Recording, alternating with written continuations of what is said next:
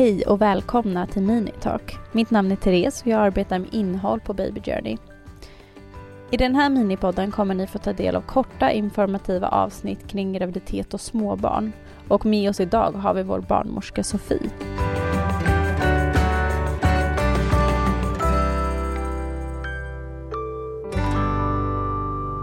Idag ska vi prata om bristningar efter förlossningen.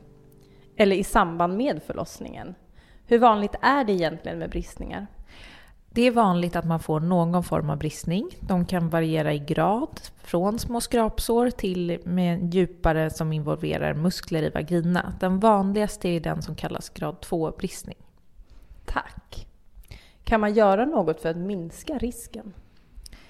Det är viktigt att man lyssnar på barnmorskan, att man har en god kommunikation mellan sig under förlossningen. Det kan vara bra att föda i en upprätt förlossningsställning som avlastar vävnaden. Och sen att eh, framfödandet går långsamt. Sen kan man inte göra så mycket mer än så. Tack. De olika bristningarna eh, som du pratar om, grad 1 till grad 4, eh, hur skiljer sig de olika åt? Grad 1 brukar man säga är mer som ett skrapsår eller en ytlig slemhinnebristning eller något upp mot blygdläpparna kanske. Grad 2 är en, att det involverar muskler i vagina. Eh, som gör, och den kan också variera ganska mycket i grad. Den kan vara en inte så djup grad 2-bristning och ibland är den lite djupare. Men den involverar alltid muskler och slemhinna. Eh, grad 3 och 4 eh, involverar eh, ändtarmsmuskeln, alltså svinstermuskulaturen i större grad. Eh, olika mycket. Och den, en sån bristning ska sys på operation efter förlossningen. Tack så mycket. Blir man helt återställd om man får bristningar?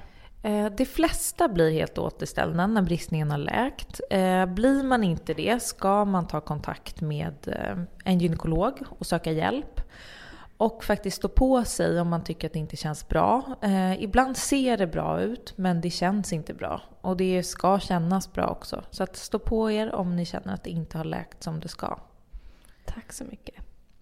Kan det påverka ens kommande förlossningar om man tidigare drabbats av bristningar?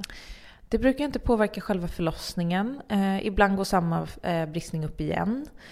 Men min erfarenhet att det är att de flesta får en mindre bristning vid nästa förlossning än vid den första.